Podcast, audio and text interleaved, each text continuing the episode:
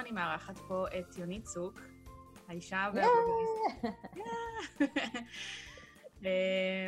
ואנחנו הולכות לדבר באמת על המון המון דברים, בעיקר על אימהות ועסקים ואיך משלבים את הכל, שזה המהות של הפודקאסט. אבל קצת נשמע ממך, אני חושבת, עוד איזה פן אחר שלך שאולי פחות מכירים, למרות שאת די חושפת את הכל ברשת, אז לא, לא יודעת אם יש משהו שלא... זה מה שמפליא, שאנשים חושבים שאני חושפת את הכל, וכל הזמן אני אומרת, אה, אוקיי, רק אולי, לא יודעת מה, שלושה אחוז מהחיים שלי הם בחוץ. ממש. יש עוד כל כך הרבה שאני לא מפרסמת, כי who gives the fuck. נכון. את יודעת, וכאילו, גם אין לי צורך לחשוף, וגם לקהל אין צורך לדעת, זה לא באמת מעניין. כן. ועדיין האנשים אה, חושבים שאני ממש, וואו. הכל כנראה זה יחסי. כן. אז בואי אה, נכיר אותך קצת יותר למי שלא מכיר. אה, קודם כל, תספרי קצת על הדרך שלך לעצמאות, איך בכלל כל הדבר הזה התחיל, אה, וואו. טוב, הדרך שלי לעצמאות קרתה ממש במקרה, לפני שש שנים, שבע שנים, משהו כזה.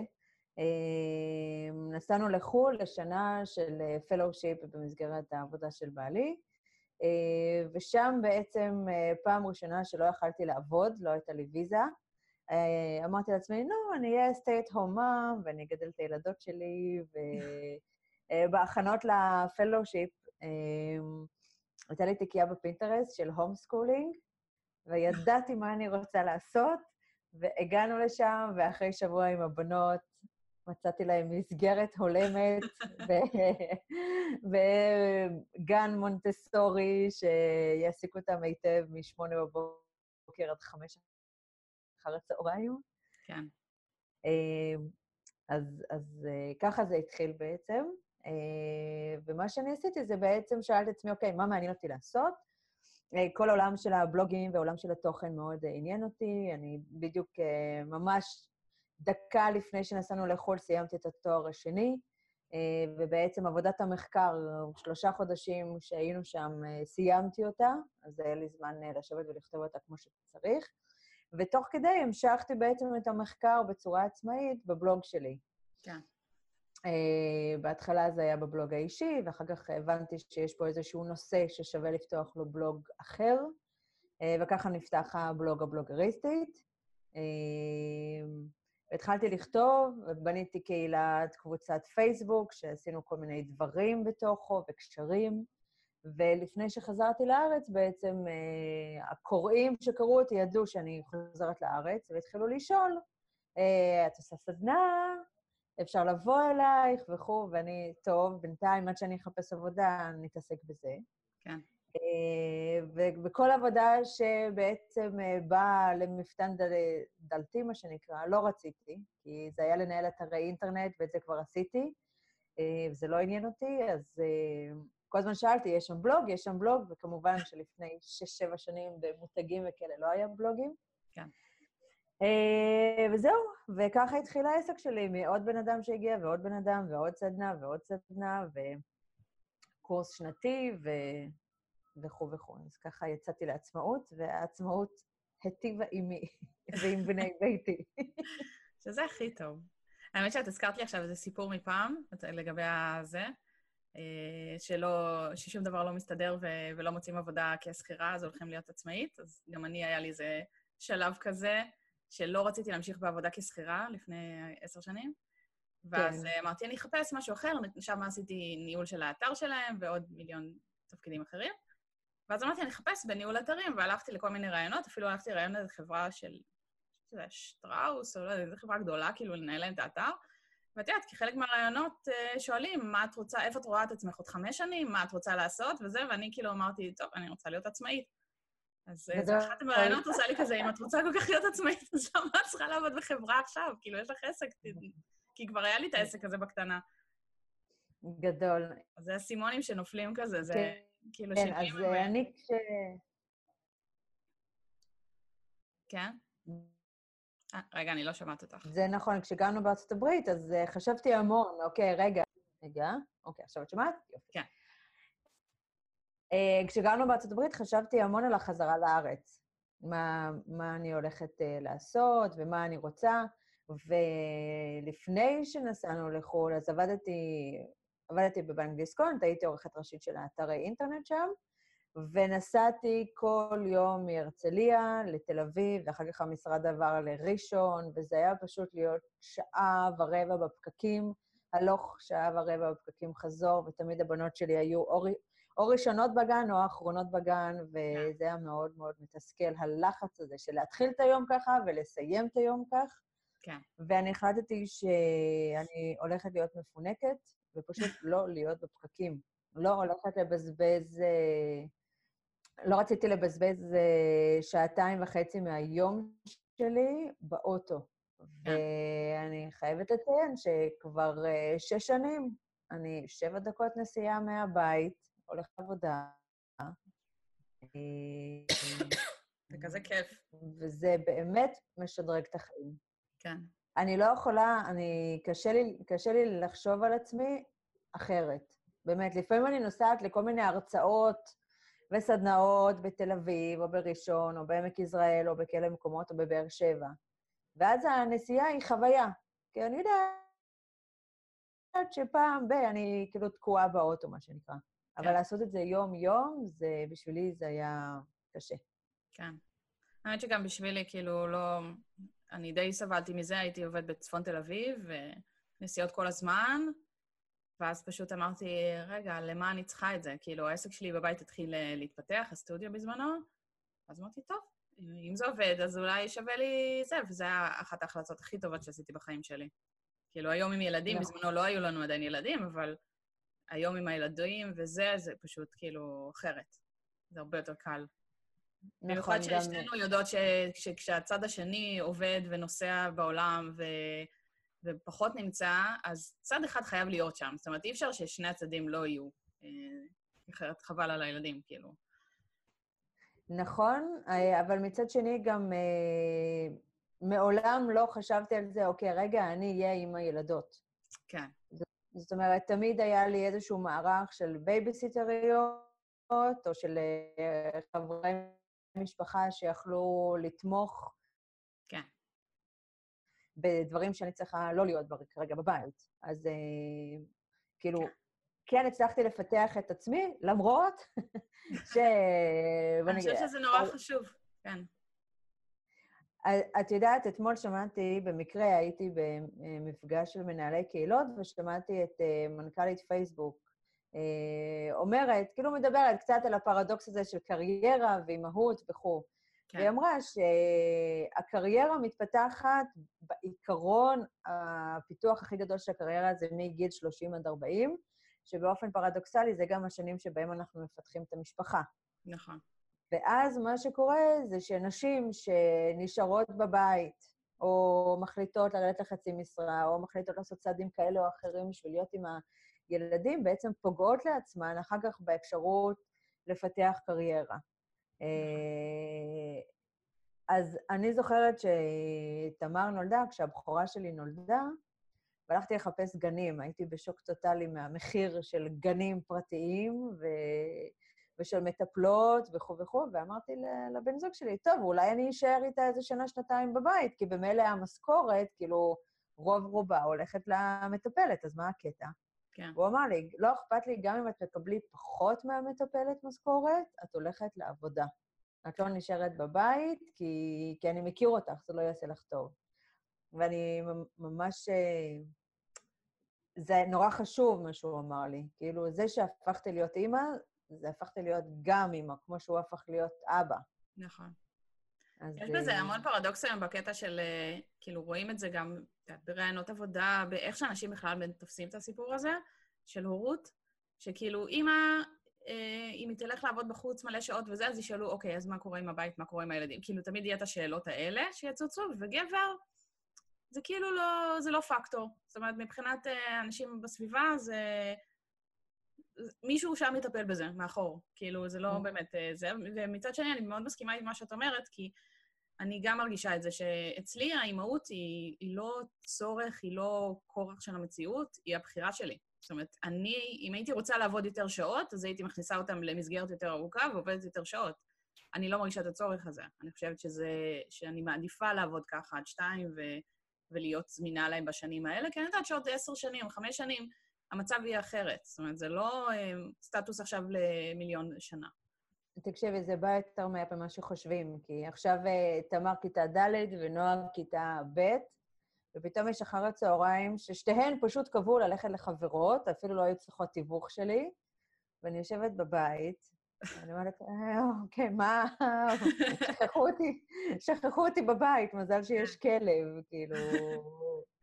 זה בא כל כך uh, מהר, ואני מאוד שמחה גם על האופציה שלי, את יודעת.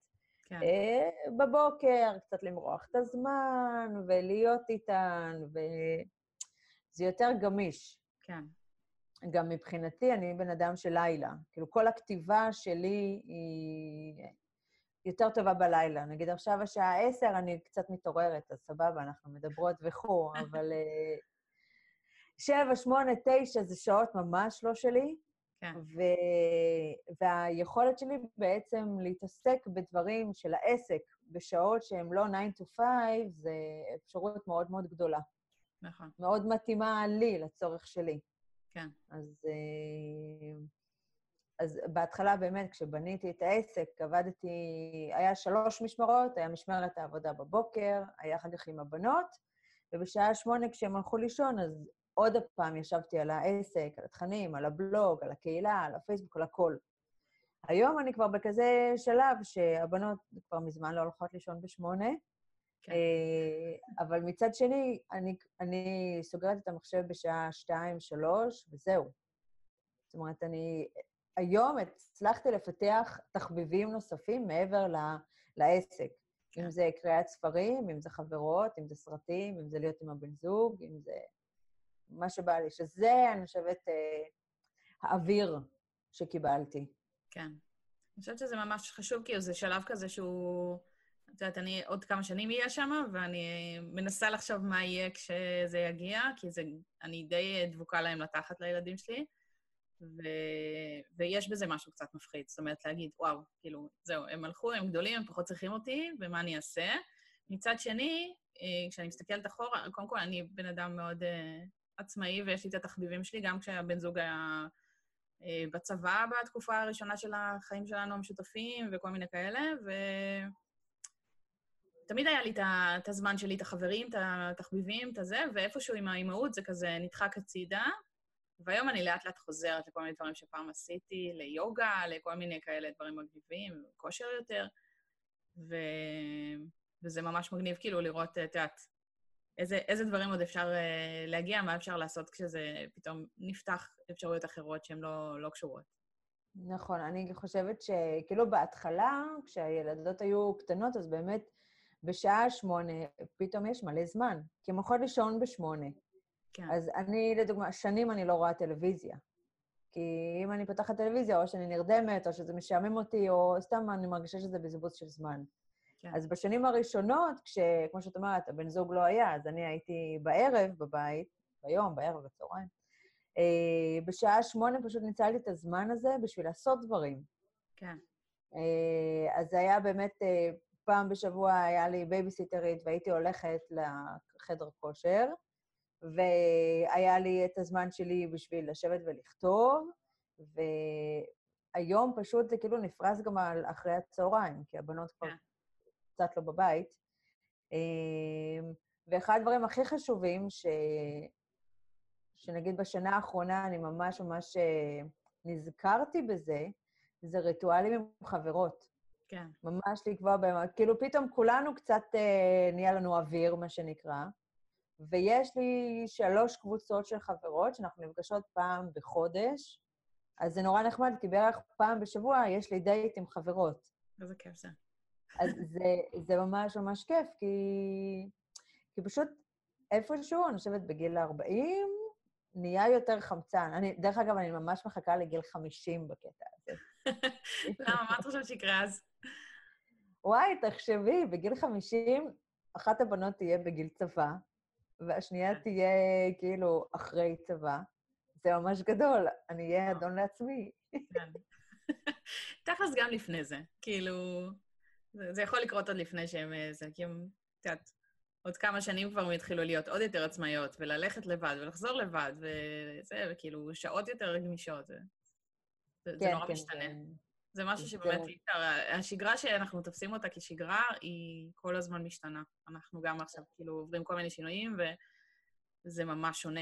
כאילו, כל פעם, את יודעת, להסתגל מחדש, להבין אה, איך לוקחים את המשפחה לצעד הבא שלה, ו... ויש דברים כאילו לא פשוטים, ומצד שני יש דברים שהם ממש מלהיבים ומגניבים ו... וכיפים. נכון. אני... השנה אנחנו חווינו שינוי מאוד מאוד גדול, כי אה, העברתי את הבנות שלי מסגרת חינוכית. הם היו בבית ספר רגיל, אה, כן. שהיה מאוד נוח כאילו לחצות את הכביש. זאת אומרת, השכנים שלנו זה הבית ספר, ככה אנחנו כן. קרובים לבית ספר. ופשוט לא היה להם טוב, משום בחינה שהיא בשנה הזאת, והם מאוד מאוד סבלו, אה, וכל המשפחה סבלה מהדבר הזה. ופשוט החלטתי לעשות מעשה, הבן זוג שלי ואני, והעברנו אותם לבית ספר, ב... אנחנו גרים בכפר סבא, העברנו אותם לבית ספר הדמוקרטי ברעננה. אה, היה מזל גדול בכלל להתקבל לבית ספר הזה, זה היה, לא יודעת, משמיים. אה, ואחת ההחלטות שהכי חשובות זה לפנות להם את אחר הצהריים מחוגים. כן. זאת אומרת, אה, עד עכשיו הם היו גם בבית ספר וגם, את יודעת, לכל אחת המערכת חוגים המשוגעת שלה, ו... והגעתי למסקנה שאחת הבעיות זה שאין להם מתי להיפגש עם החברים. כן. גם בגלל שהם בצהרון עד חמש, וגם בגלל החוגים, אז הן, מותשות. נכון. והשנה אה, יש אה, רק אה, יומיים של חוגים, אה, ראשון ו- וחמישי, ואז יש להם בעצם מלא שעות להיפגש עם חברות. כן. וזה, וזה הוכיח את עצמו. גם השינוי של הבית ספר, שהוא מאוד מתאים לאופי שלהם ולאופי שלנו, כן. אה, וגם העובדה שיש להם הרבה יותר זמן להיפגש עם חברים, או להביא חברים הביתה. כן. לא, אנחנו עכשיו ב, ב, לפני, רגע לפני כיתה א', בשנה הבאה. מדהים. ואני גם מנסה, כן, אני מנסה לחשוב מה יהיה להם, איך יהיה להם. כאילו, הבית ספר הוא... הוא טיפה שונה מהמסגרות הרגילות, לפי מה שהבנתי, זאת אומרת, אין מבחנים, אין שיעורי בית, אה, יותר זורם כזה. אה, מצד שני, עדיין יש מסגרת נוקשה, ועדיין, אה, כאילו, יש למידה, זאת אומרת, יש, יש את הדברים, אנחנו עוד לא יודעים מה בדיוק, כי אין שום מידע על הבית ספר, חוץ ממה ששומעים משכנים. טה-טה-טה. כן, קטע כל כך מטומטם, שכאילו, יש שישה בתי ספר או שבעה פה בשכונה, אין באמת בחירה, כי זה הולך לפי אזור גיאוגרפי, לפי. בניינים וזה, ו... ואין באמת שום מידע על הבית ספר, חוץ מאיזה שניים, שלושה משפטים שהם כותבים בזה חוברת. אז את לא יכולה לדעת אם זה מתאים לילדים, לא מתאים, האם החברים שילכו איתם בגלל שהם גרים קרוב הם באמת אלה שמתאימים להם, או לא.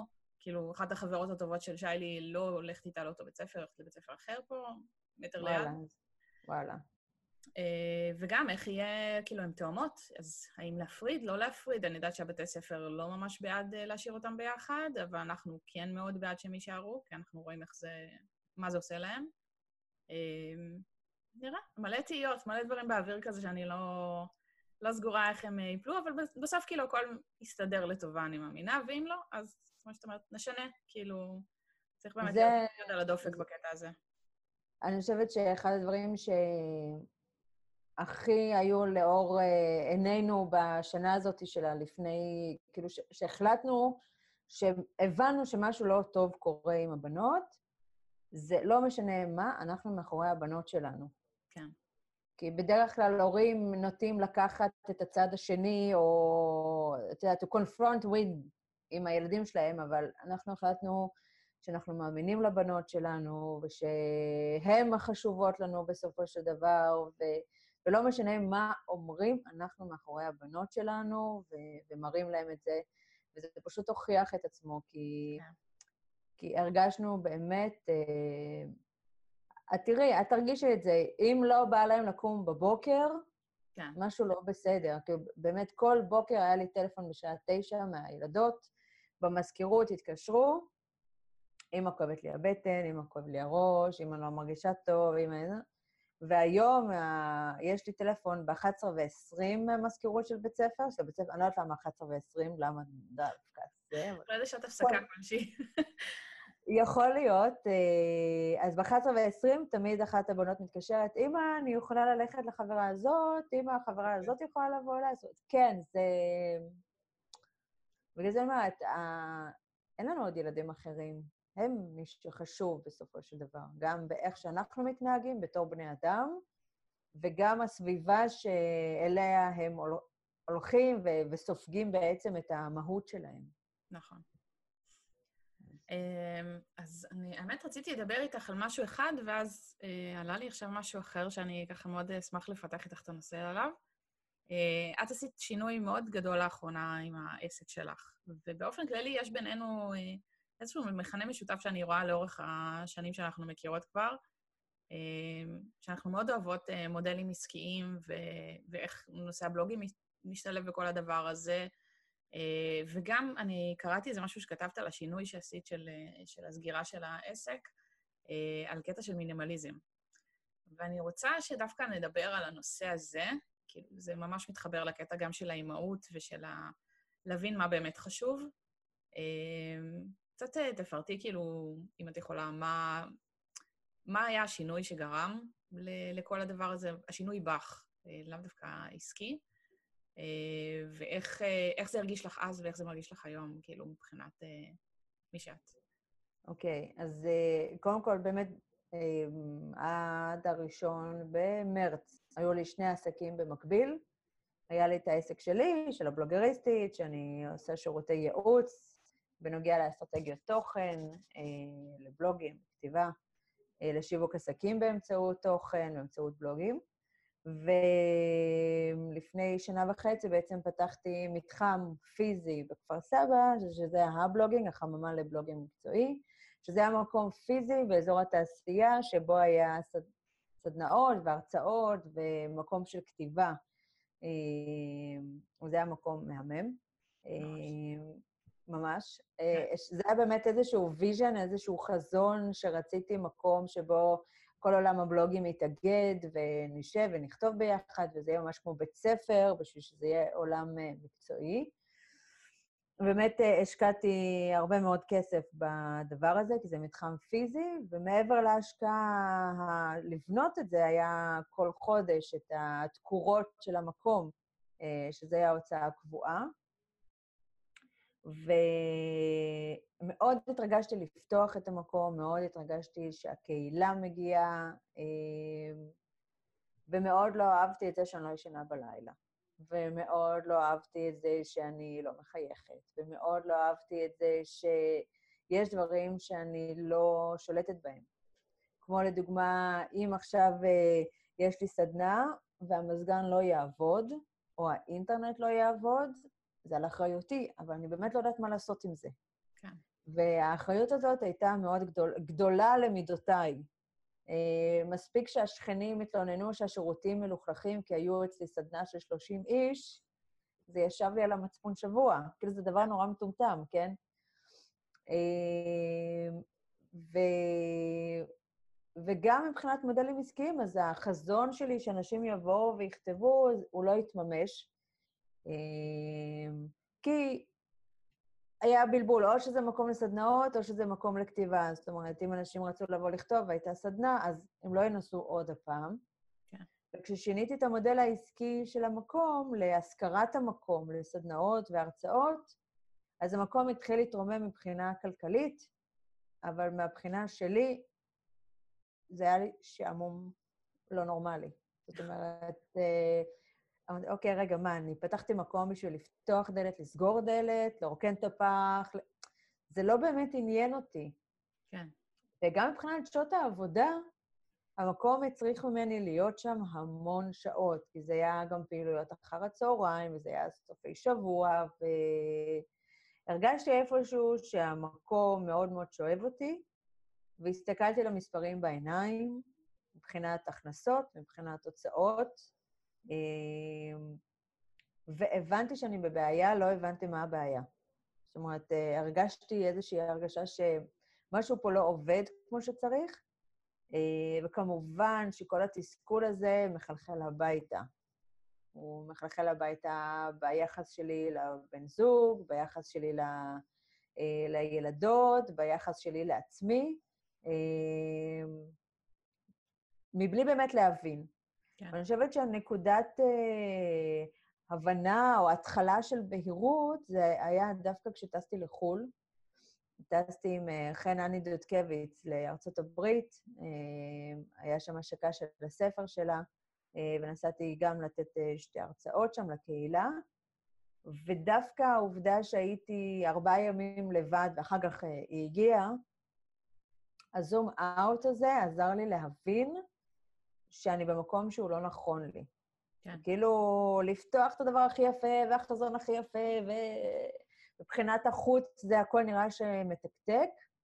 אה, אבל כשהייתי בניו יורק, סתם, הלכתי שם והייתה איזושהי משאית של השכרת ציוד לאירועים, ועל המשאית היה, כאילו איפה שפותחים את הדלתות של המשאית, מאחורה, היה ציור של היפופוטם ורוד, שמן כזה. וזה נורא הצחיק אותי. ועשיתי, לבן זוג שלי, שלחתי לו בוואטסאפ סלפי של אימא היפופוטם. אה, רמז, רמז. אה, והוא פשוט כתב לי, יונית, כבר שנה לא ראיתי את החיוך שלך על הפנים, התגעגעתי אליו. יואו. וזה עשה לי, יש לי צמרמורת שאני אומרת, זה עשה לי כאילו, אוקיי, זה לא רק הרגשה פנימית שלי שמשהו לא עובד, אלא... אני, יש לי בעיה, אין לי פוקר פייס. מה שאני מרגישה, ככה רואים את זה, אני לא יכולה, I cannot fake it. כן, גם אני. כן, וואו. אה, וזהו, ואז הבנתי שבעצם אה, החזון מדהים, והמקום מדהים, והקהילה מדהימה, והכול מדהים, אבל לי לא מדהים בכלל. והחלטתי שאני פשוט צריכה להיפטר מהדבר הזה. כן. כאילו, פשוט uh, להתכנס. ו...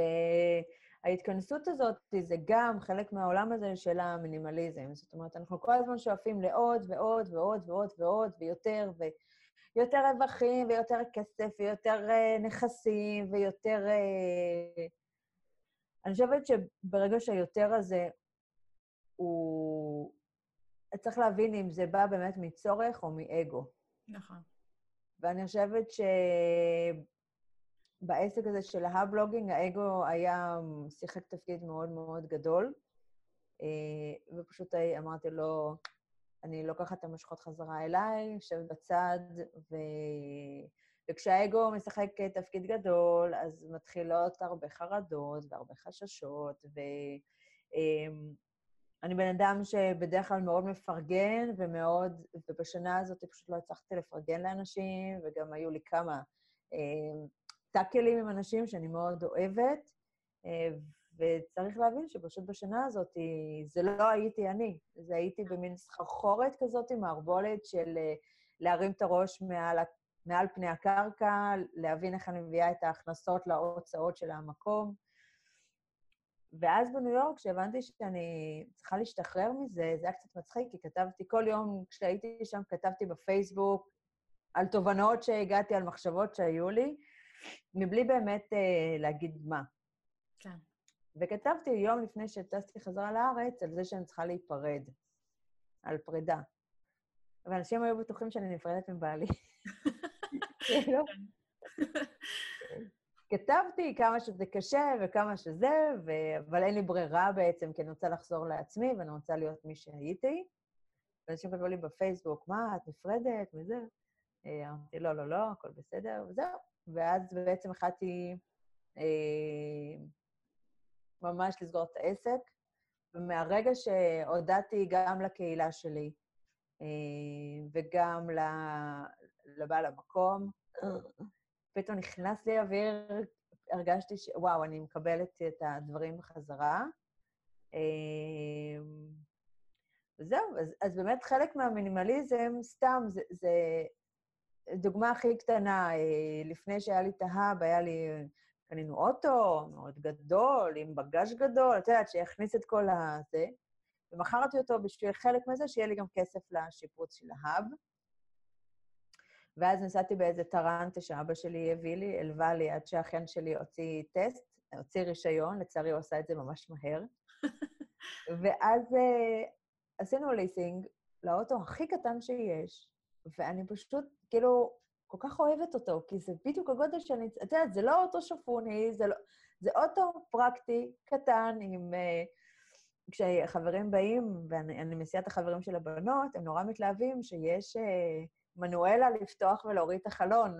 כן. כי, את מבינה, זה כזה צנוע וכזה קטן, ש... Uh, וזהו, וכאילו, לא צריך כל כך. וגם מבחינת שעות עבודה, הבנתי שבסופו של דבר אה, צריך פה איזון. עכשיו, אם לדוגמה בן זוג, הוא לא יכול להתאזן מבחינת שעות אה, עבודה בית, כי הג'וב שלו דורש, ההתפתחות שלו דורשת, אז אני אאזן את זה, אני אעשה את האיזון הזה.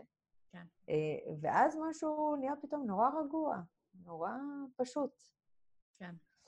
האמת שאני מאוד, מאוד מזדהה איתך, כאילו, גם יודעת שאני עשיתי שינוי לפני כמה חודשים, שדי, נכ... כאילו, לקח לו איזה שלושה חודשים עד שהוא נכנס לתוקף, מהרגע שהכרזתי כן. על הזה.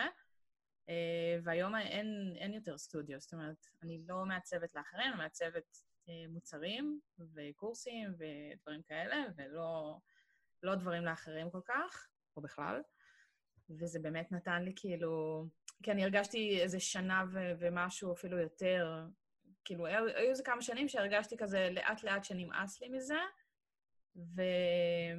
וזה היה כאילו אחרי עשור שאני התעסקתי בעיצוב. זה מלא מלא זמן אה, לפתח אהבה לעבודה. ו... ועם הזמן, ככל שעשיתי גם את ההרצאות על המתנות, ואז את הקורס, ואז עוד קורס, ואז עוד זה, וכאילו, ו... והבלוג שפתאום תפס תאוצה מטורפת. אז הבנתי ש... שוואלה, אני לא... כאילו, זה היו שלושה עסקים במקביל, ושלושה ילדים במקביל, ובעל, ומשפחה, וזה, ואני לא יכולה להכיל את הכל. והרגשתי נכון. שאני ממש כאילו בשעות, ו- וממש עשיתי עם עצמי תרגילים של חשיבה של אה, איך אני מרגישה כשאני עושה X, ואיך אני מרגישה שאני עושה Y, ומה משמח אותי, אה, שזה גם קטע של גם אנימליזם וגם קצת מיינדפולנס. אה, ואז הבנתי שכשאני יוצרת מוצרים, כשאני יוצרת קורסים, כשאני יוצרת אתגרים של הבלוג, כשאני כותבת בבלוג, אני פשוט ברמת עושר כל כך גבוהה, שכשאני עושה דברים אחרים, פשוטים יותר, או מעצבת לאחרים, אני פשוט לא מביאה את עצמי בטוב. ומקצועית, מעבר לתחושתית, אבל מקצועית, אני לא הרגשתי נכון עם זה. הרגשתי שכאילו, כן. אני חוטאת למטרה. אני לא... זה לא משנה כמה כסף אני אביא, ואני בזמנו גם... היו תקופות שבאמת היה פריחה בבלו, ב, בסטודיו, ו, ורציתי להביא עוד עובדים וזה, וכאילו... ואז uh, דיברתי עם הגר שחר, שחברה טובה שלך, והיא די נתנה לי את תמונת המצב של מה יקרה אם אני אעשה את הצעד הזה, אם אני אקח אה, פרילנסרים, אם אני אעשה זה, ומה יקרה אם אני צריך לנהל אותם, ואני צריך להביא עוד ביזנס, ואני צריך... פשוט אמרתי, וואו, כאילו, זה לא, זה לא אני. לא מתאים לי, לא צריכה את זה. אני חושבת, את יודעת, כאילו בתור uh, עצמאיות, אני חושבת שיש איזושהי ראייה של, וואו, בוא נעשה יותר גדול. בוא נפתח משרד יותר גדול, בוא נביא אנשים שיעבדו, בוא נהיה על תקן המנהלת, בוא נהיה על תקן המנכ"לית, היזמת, ה... וצריך לשאול את עצמנו, רגע, רגע, רגע, אבל אנחנו כאילו עצמאיות. אנחנו באמת רוצות אה, כאילו ל... ל לחקות את עולם השכירים בעצם של העצמאיות. את יודעת, אני פעם בחודש, יש לי יום ראשון, יום כיף עם אחותי. ואף אחד לא לוקח לי יום חופש על זה. נכון. את מבינה שאני לא צריכה דין וחשבון לאף אחד. ואני כאילו באמת מבינה שכל ה... כי גם כשפתחתי את ההאב, אז היו שני עובדים ש... מישהו ניהל את האתר ומישהו ניהל את המקום וכו' וכו', ואז כמובן צמצמתי, צמצמתי, צמצמתי. לא צריך את זה. כאילו, אם צריך, אז צריך, אבל... אה, הצמיחה... פר עצמו ופר מה שהוא עושה לנו. כאילו, יש אנשים שזה נורא טוב להם וכיף להם לבנות עסקים ממש גדולים, ויש אנשים שיותר טוב להם, אני דווקא שמעתי על זה איזשהו פודקאסט אה, של Pat Flynn על... אה, מישהו שכתב ספר על עסק של בן אדם אחד, שתכלס זה, זה לא תמיד מסתכם באמת בבן אדם אחד, זאת אומרת, יכול להיות שהוא כן מוציא חלק מהדברים ל outsourcing וכאלה, אבל בסופו של דבר הוא עם עצמו מול הלקוחות, מול האנשים, מול הזה. אמ, וזה משהו ש...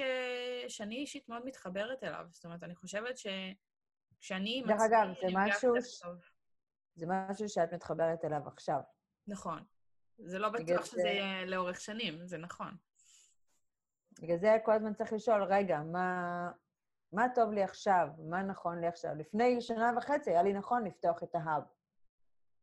אוקיי? ופתחתי, וסבבה, ואז זה כבר לא יהיה נכון. ואז אני שואלת, אוקיי, רגע, מה... אה, אצלי יש אה, סיסמוגרף של השינה. זאת אומרת, שהיכולת שלי להירדם. כן. כש, כשאני נרדמת, זהו, כבר אין לי מי לדבר. אה, אבל אם אני לא מצליחה להירדם תוך שנייה, משהו לא בסדר. כן. אז אני צריכה להבין, רגע, מה, מה לא בסדר? משהו לא בסדר אה, עם, עם הבן זוג, משהו לא בסדר עם הבנות, משהו לא בסדר עם המשפחה, משהו לא בסדר עם העבודה, משהו לא בסדר עם עצמי, מה? כן. ואז באמת, שאני זוכרת, זו שנה שלא ישנתי, רק גלגלתי מספרים. רק גלגלתי מספרים בראש, ואז אמרתי, אוקיי, אני לא צריכה את השיט הזה, באמת, אני לא צריכה, הוא לא, הוא לא מועיל לי. נכון. אז, אה, אז כל הזמן צריך לשאול את עצמנו, רגע, מה טוב לנו עכשיו? זה, זה, אני חושבת, אה, שאלה שהיא, בגלל שדיברנו על זה שהשגרה כל הזמן משתנה, נכון. אז, אה, אז, אז זה בדיוק זה. סתם, היה, חשבנו לעבור דירה, אוקיי? כי הבנו שאין לי האב, אני צריכה משרד, אוקיי, בואו נקנה דירה עם עוד חדר. וצבענו את הבית, כי היינו צריכים למכור את הדירה, ופתאום ממש התאהבנו בדירה שלנו. כאילו, פתאום אמרנו, רגע, אנחנו לא באמת צריכים עוד חדר, אה, יש לנו דירה מהממת, עם, אני מגדלת עציצים בגינה, וכאילו ירקות וכאלה, ואני כולי מבסוטית. וגם, כל מה שחיפשנו, היינו צריכים חצי שעה לנסוע בבוקר. לכל... כאילו, אין לנו את זה היום. היום אנחנו שבע דקות מהעבודה, בהליכה.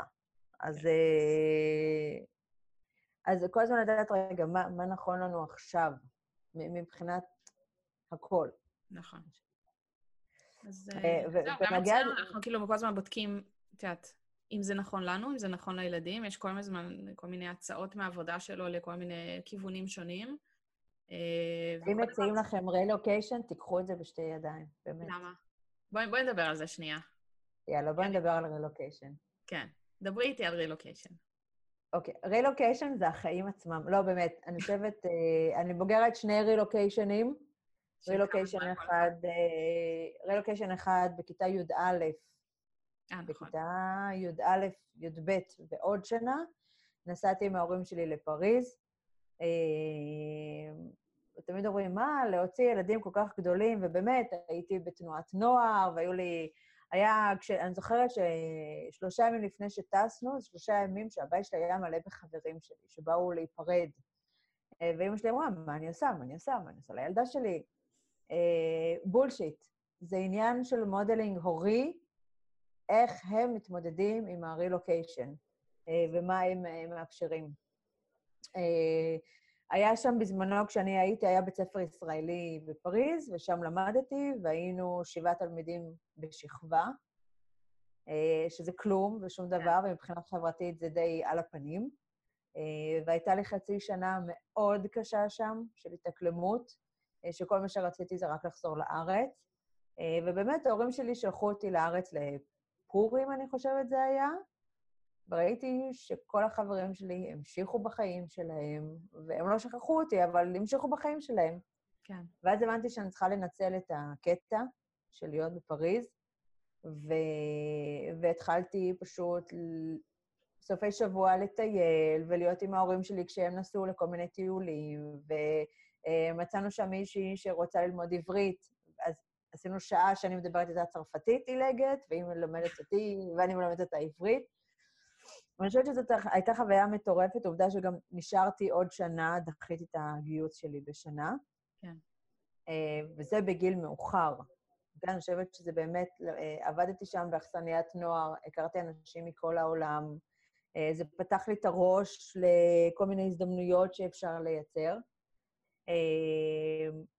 וכשהייתה לנו הזדמנות לנסוע לפלושיפ לארה"ב לשנה, כל כך חיכיתי לזה.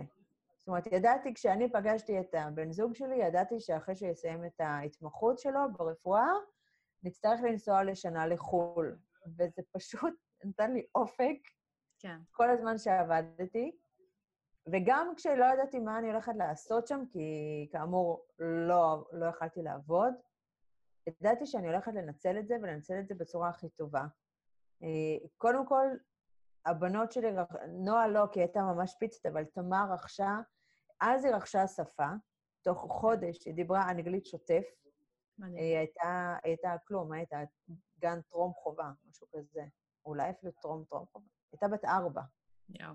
כן, ומטורף. ואני זוכרת שחזרנו הביתה, בשדה תעופה, היא פשוט דיברה שיחה שלמה עם איזו אישה זרה באנגלית, והסתכלנו אחד על השני. והיום היא לא זוכרת, אבל יש לה את הביטחון. זאת אומרת, היום היא לומדת אה, אנגלית מטיקטוק, מאפליקציות, ו...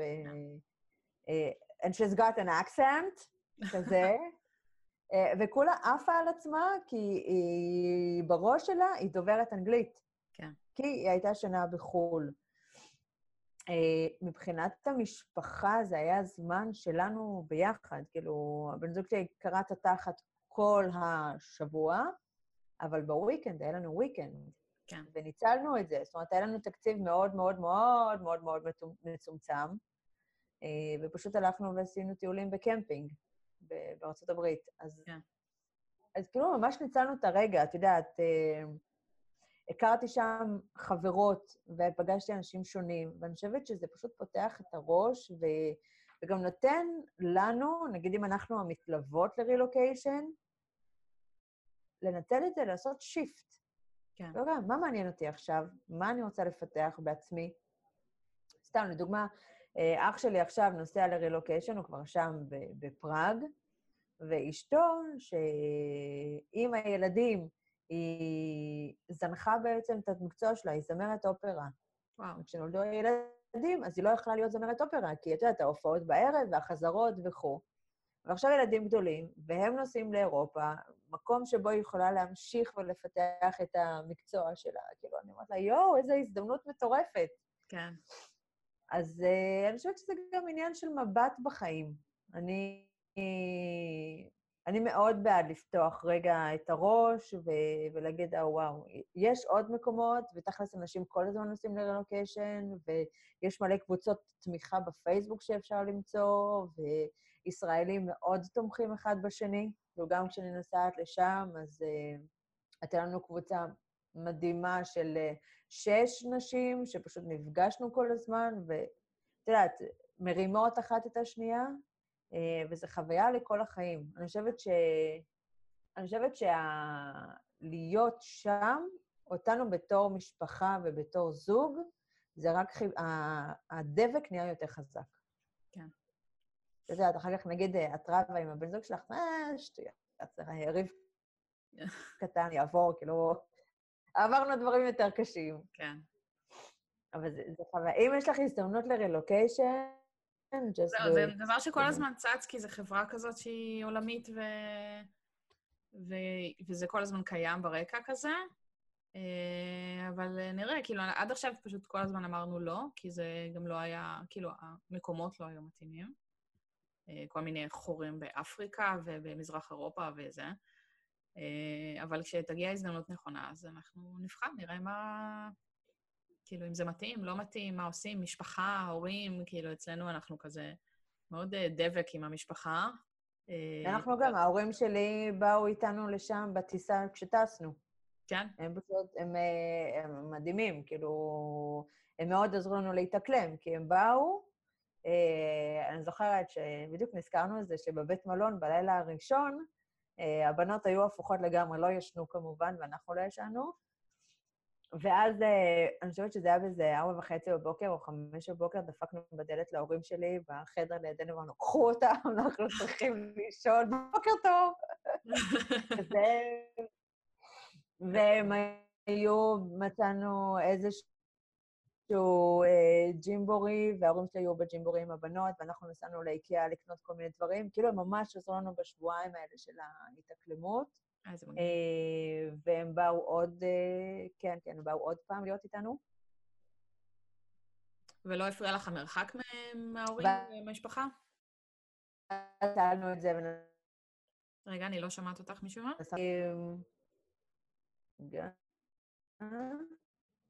עכשיו את שומעת? אוקיי.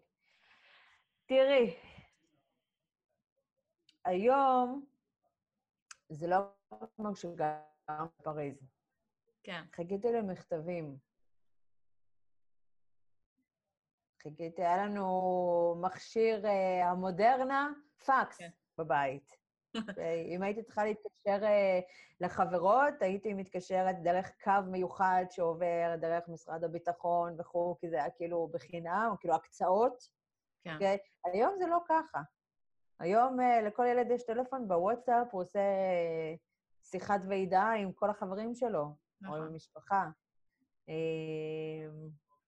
וגם אני יודעת שהמשפחה שלי תמיד תהיה פה. זאת אומרת, לא משנה אם אני נוסעת ואני חוזרת, המשפחה שלי פה. נכון. אז, אז נכון, אז אין ארוחות יום שישי פעם בשבועיים. נכון. אוקיי? וגם היה בר מצווה לאחיין שלי שלא היינו שם. בסדר. כן. בסדר. כאילו... אבל זה מה שאני שואלת, כאילו, כל הזמן אנחנו צריכים לשאול את עצמנו, אוקיי, מה טוב לנו? מה יהיה לנו טוב? ואז נגיד, בתור משפחה, כשלי טוב, אז לילדים יהיו טוב, כי זה מה שאני מפגינה החוצה. נכון. אה, סתם, אחד הדברים שנגיד, אה, הייתי ממורמרת בארצות הברית, שלא היה לי אוטו. כן. כי, שוב, לא היה לנו תקציב ולא לא היה לי אוטו. וזה פשוט, הרגשתי שזה מקרקע אותי, שזה פוגע במי שאני. ואז הבנתי את זה, ופשוט קנינו אוטו יד 500 פחות או יותר, מבינה? כן. וזה לא משנה, היה לי את העצמאות שלי.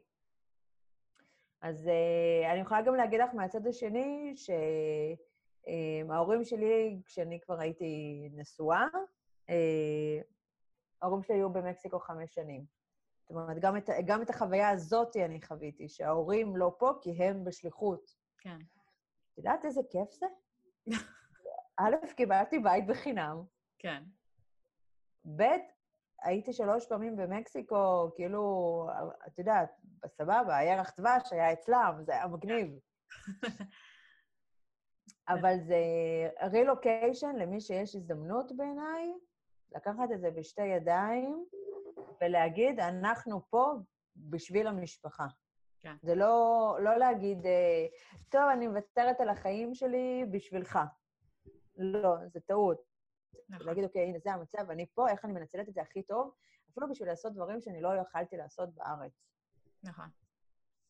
האמת שאצלי, כאילו, קודם כל העסק שלי הוא אינטרנטי לגמרי היום, אז זה, זה לא האישיו. אה, וגם הבלוג שלי, איפשהו בכמה שנים האחרונות, מאז שהוא קם, אני רואה שכאילו יש אליו כניסות מעולם, הייתה לי גם איזושהי חוויה של לפתוח אותו באנגלית, למרות שאני לא חושבת שזה הכיוון הנכון. אה, אבל כאילו היום אני מייצרת לו מוצרים, נגיד השבוע השקתי מוצר חדש של אה, יומן טיול כזה מגניב, שאנשים עפים עליו, כאילו, זה כל כך מגניב לראות את זה. וזה גם מה שאני, אחד הדברים שאני הכי אוהבת בעצמאות סלש יזמות, זה להוציא משהו לשוק, לראות איך הוא תופס, נכון. וכמה אנשים, אה, זה, כאילו, זה הדבר הכי כיף, זה כמו להיות דייג, ולהושיט את החכה ולראות מה נתפס. את יוצרת יש מאין, זה מהמם. כן, וזה כל כך כיף לראות שכאילו, את יודעת, משהו שאני יוצרת, אנשים מתלהבים ממנו וקונים אותו ו, ונהנים ממנו, ואני אומרת, כאילו, אוקיי, יכול להיות פה הזדמנות ל- לעשות את זה עולמי. כי אני יודעת ש, שהנושא הזה של אוכל בריא לקטנטנים, לילדים, זה לא רק ישראל הקטנה שזה מעניין אותה. זה משהו נכון. שבכל העולם אנשים מתעניינים בו, ולהפך, יש מדינות אה, אחרות שבהן המצב הרבה יותר גרוע ממה שהוא פה. פה המצב ממש טוב יחסית. כמה שאנשים חושבים שאני לא נותנת מספיק ירקות לילדים שלי, הם לא אוכלים מספיק מגוון, הם לא מספיק טוב, כאילו כל מיני כאלה. אמ, ו- ועדיין המצב שלנו, התפריט, מה שנקרא, ים תיכוני, הוא מאוד מאוד בריא. אה, כי הוא עדיין נכון, מבוסס הרבה על ירקות ופירות, ויש לנו פה מגוון באמת מטורף שלא קיים במקומות אחרים. ו... וזה יכול להיות, כאילו, דברים כאלה זה באמת הזדמנות נהדרת. אה, והתחום של הקורסים, נראה, או שזה ימשיך, או שזה לא ימשיך. אה, שום דבר לא בטוח. אני גם לא בטוחה ש... כאילו, אני צמצמתי משלושה לשני עסקים, לא בטוחה אם לא נכון לי לצמצם בכלל לעסק אחד, כי, כי אני יודעת ש... את יודעת, בסופו של דבר אתה צריך לראות מה הקהל רוצה, ולא רק מה אני רוצה. והקהל מאוד רוצה את הבלוג. זאת אומרת, אני העברתי אותו פלטפורמה לאחרונה, אה, והכניסות הולכות וגדלות כל הזמן, ובקיץ היה טירוף. אה, ובקיץ הבא יהיה כנראה עוד יותר טירוף, במיוחד אם אני אעשה איזשהו אתגר או משהו. אה, זה מטורף, וזה פשוט כיף. זה מטורף, ובשביל זה את לא חייבת להיות פה, זה בדיוק לא, הקטע. כן. כאילו, זה, זה מה שמגניב בזה, שזה באמת משהו ש... חוץ מהמוצרים הפיזיים שצריך אה, לשלוח בארץ, שגם לזה יש פתרונות. כאילו, אני מוכרת היום מוצר של מישהי שחיה, ישראלית, שחיה בהודו, והמוצרים שלה נמכרים פה אצלי, ואני בכלל אוספת אותם מרמת החייל, והכל מהמם. כאילו סימלס, ואת יודעת, והכסף עובר עליה בקלות, ו... ו... היום אין את ה... זאת אומרת, המגבלות שה... שהיו פעם, הטכנולוגיות, הקשר הזה, לא כזה, זאת אומרת, זה, זה הרבה פחות אישו היום. נכון, אה, זה כאילו, יהיה עוד יותר... אחרים. אה, זה יהיה עוד יותר פשוט. אני כאילו... ועם אה. אמזון שנכנסים לפה, אז בכלל זה... יואו, אני מתה לדעת מה, מה אני יהיה מתה שם. לדעת מה יהיה, כאילו, כן. אני, אני באמת מחכה לראות האם הם יעשו איזה שהן הכשרות, אה, כאילו, איך זה יעבוד כל הדבר הזה, האם הם יעשו את השילוחים שלהם, או שזה יהיה השליחויות של הארץ, כאילו, איך זה... זה, זה דבר מטורף. אני חושבת שכאילו, אנשים רואים את זה כמשהו שהוא מאוד אה, בעייתי, וייצור פה הרבה בלאגן וזה, אני חושבת שזה הפוטנציאל פה, וקראתי השבוע, קראתי. התחלתי לקרוא איזשהו דוח אה, של איזו חברה עולמית שמנתח גם את הקהל הישראלי, מבחינת אה, צריכה, אה, קניות אונליין וכאלה. הפוטנציאל פה, כמה שאנחנו מדינה קטנה, הפוטנציאל שלנו לגדילה הוא עדיין עצום, כי עדיין רוב האזרחים שלנו יש להם סמארטפון, ויש להם אה, נכונות לקנות אונליין, וזה רק הולך וגדל. כל ה e-commerce ככה זה יותר.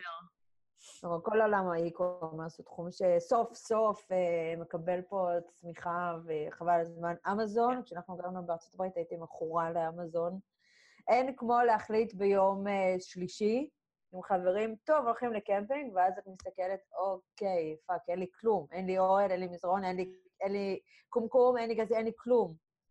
מה הבעיה? תיכנסי לאמזון, טה-טה-טה-טה, נכנסת לאמזון, יום אחרי זה, פתחתי את הדלת, לא, לא, כאילו לא יכלתי אשכרה לפתוח את הדלת. יואו. הכל היה, כל הציוד שקניתי היה שם, וזה היה כזה, הללויה.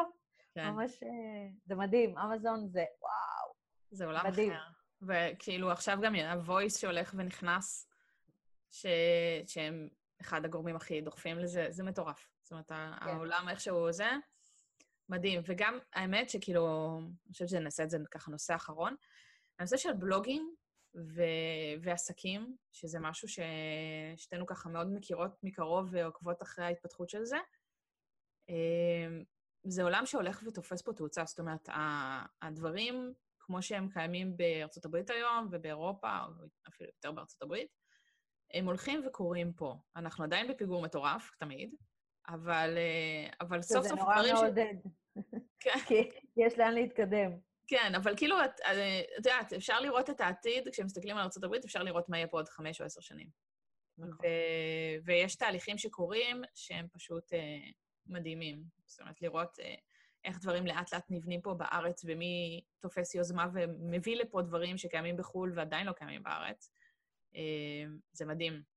כאילו, נכון, ב- כשגרתי בארצות הברית, זה בדיוק מה שראיתי. כאילו, אני ראיתי לפני שבע שנים, אוקיי, איך אין בלוגים בארץ? כאילו, מה, מה קורה? וכשהתחלתי לדבר על עולם הבלוגים, אה, אנשים חשבו שאני סוג של משוגעת, משועממת, אה, אין לי מה לעשות, בלה בלה בלה. ואמרתי, לא, לא, לא, זה, זה עובד. כל העולם של ה content marketing הוא עובד. ובגלל זה בעצם התחלתי את כל התהליך הזה של ללמד אנשים על בלוגים, ללמד עסקים על בלוגים, וללמד אנשים שיש להם תחביב על בלוגים, זאת אומרת, להבין שיש פה איזושהי במה. כן. ובי פאר עסקים שיש להם בלוג ושמשקיעים את השנתיים הראשונות שלהם לכתוב פוסט פעם בשבוע, פעם בשבוע וחצי, רואים תוצאות אחרי שנתיים, תוצאות של שיווק ותוצאות של מכירות.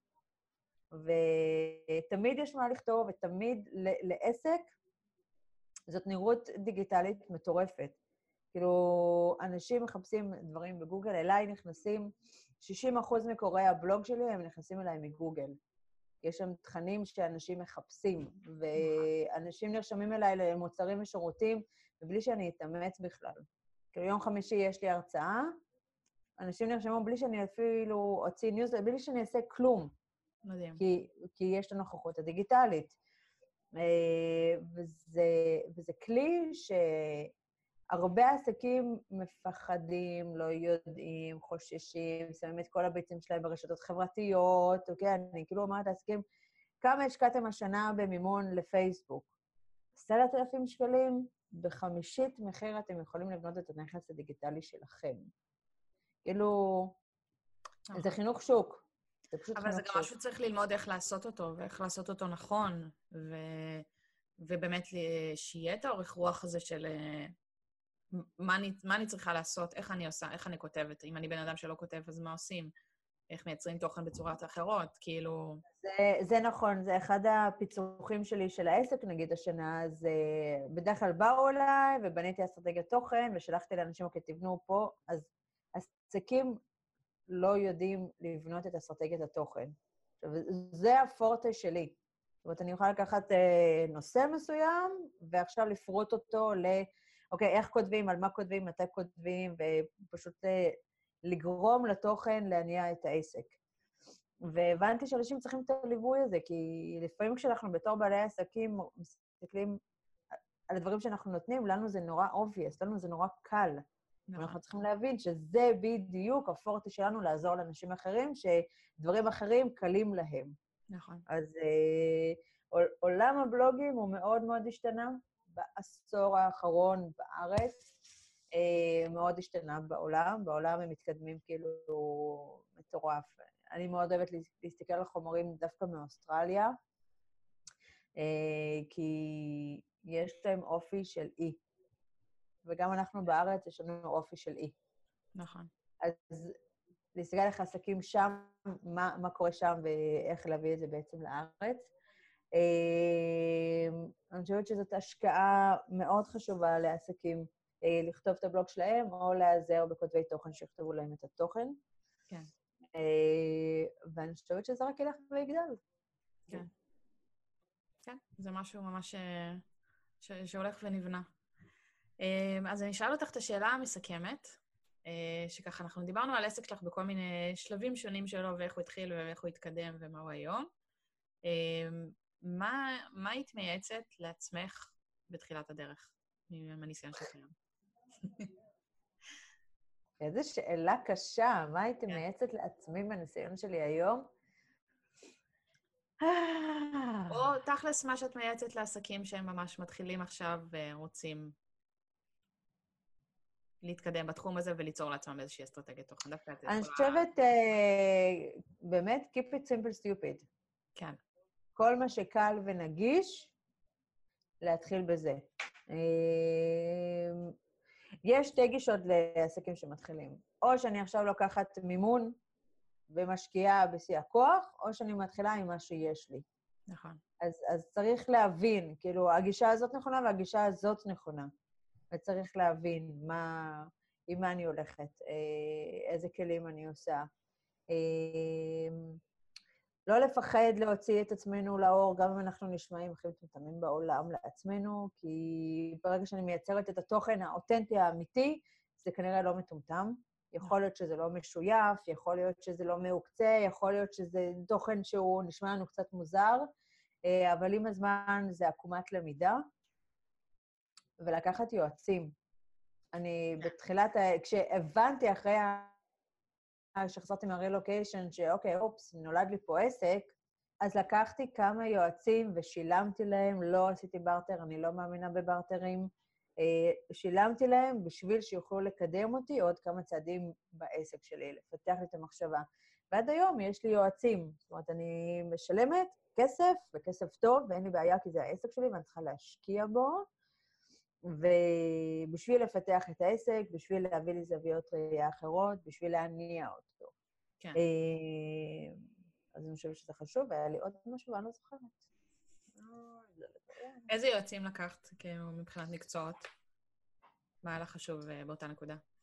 לקחתי קודם כל אה, יועצת שיווק, בשביל לעשות סדר בכל ה... אוקיי, רגע, איזה, מה המותג, מי אני, אפיון בעצם של, ה, של העסק. אה, לקחתי מאמנת עסקית בשביל אה, כל העניין של הפחדים, מתחרים, כל מיני כאלה. אה, היום יש לי מאמנת אישית, שאיתה אני עובדת לא רק על העסק, רוב השיחות זה על העסק בסופו של דבר, אבל בגלל שאנחנו one woman, בגלל שאני one woman biz, אז המון פרמטרים שהם לא קשורים לעסק בעצם משפיעים. נכון. אז איך אני עושה את ה-stop, play כשצריך. אמ, אה, כשפתחתי, לפני שפתחתי את ההאב, לקחתי יועץ כלכלי בשביל אה, לראות את ההיתכנות העסקית של ה... כאילו, המודל הכלכלי של הדבר הזה. אמ, לקחתי, כמובן, אה, את הגר אשחר שתעשה לי את המיתוג של העסק, של האתר. לקחתי בוני אתרים השקעתי באתר שלי, כי זה הנכס העיקרי של העסק שלי, זה הפרצוף של העסק. Mm-hmm. כל מיני שירותי מחשוב למיניהם, אוקיי? זאת אומרת, אני משלמת על חשבונית ירוקה ועל רב מסר ועל שרת, ועל, זאת אומרת, אני כן משקיעה. הייתה לי פלטה מאוד מאוד גדולה לפני שנה וחצי, שניסיתי לעשות אוטומציה. סוג של אוטומציה, ולקחתי שם אה, אה, יועצים שלא נתנו לי את המענה הנכון, המתאים. אז כן, אז גם כשלוקחים יועצים, לפעמים קורה שאת זורקת 15,000 שקל, כי דברים לא עובדים. אוקיי? אז אני יכולה להגיד, לא, לא. אז אני יכולה להגיד, טוב, זה לא היה נכון לאותו רגע, הלאה. נכון. תמיד, תמיד לומדים מכל דבר. כאילו, גם אם לקחנו משהו שלא עבד, להבין מה לא עובד, זה גם uh, למידה, ולפעמים זה שווה... נכון. אפשר להגיד שזה שווה את הכסף, אבל כן, זה שווה. זה, זה משהו שנשאר איתנו להמשך, ואפשר להשתמש בידע הזה בשביל דברים אחרים. בסוף זה יהיה... מתישהו זה תמיד יהיה לעזרתנו זה שאנחנו עשינו את הצעד הזה. תראי, יש לי חברה שיש לה חנות, יש לה רשת של חנויות, אה, והיא אמרה שחלק מהאסטרטגיה העסקית, הכלכלית, זה שלושה אחוז הפסדים מגנבות. אז אני אומרת, אוקיי, רגע, יש לי שלושה אחוז של טעויות שלי, נכון. ושמותר לי, מותר לי לטעות בבחירת הבן אדם הלא נכון, או אוקיי, אז אני עושה רולבק. כן. כאילו, בזבוז של כסף, בזבוז של זמן, אבל זה עניין של uh, למידה. כן. Uh, יש לי תקציב של העסק, שבו אני בעצם uh, uh, הולכת לכנסים והכשרות וסדנאות. זאת אומרת, אני כל הזמן לומדת, אם זה בחו"ל, אם זה בארץ, אם זה...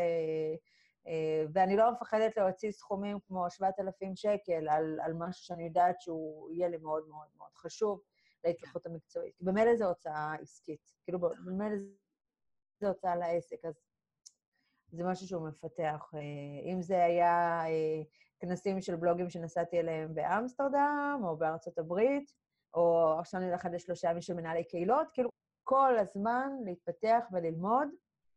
ואני יודעת שמתוך זה אני יכולה לעשות משהו, או לעסק שלי, או לקהילה שלי, או לבלוג שלי.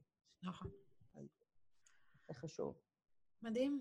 אמ, אז בואי תספרי ככה בשתי מילים אה, איפה יכולים למצוא אותך ברשת, למרות שאני אשים גם לינקים בפוסט עצמו שעולה בבלוג.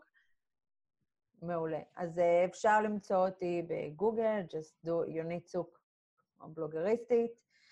ויש לי שם אתר שמדבר על כל עולם הבלוגים וכל עולם ה content marketing. אה, אפשר לחפש אותי גם באינסטגרם, אבל זה פחות מעניין, אני חושבת. אה, פשוט יונית צוק. תלוי את מי. צוק זה TZUK.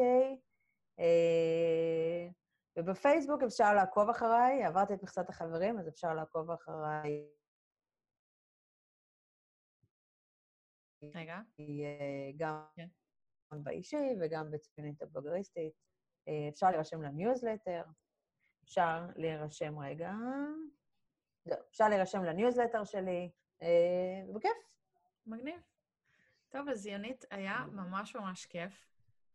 חמודה, תודה גם לי. אה, וזהו, נשארו עוד שלושה פרקים נוספים עד לסיום העונה הראשונה של הפודקאסט. ולגבי העונה השנייה, אנחנו, אני אתן עדכונים בהמשך. אה, וזהו, ותודה לכם שהאזנתם, אה, ושיהיה אחלה יום. נתראה בפרק הבא. ביי. ביי.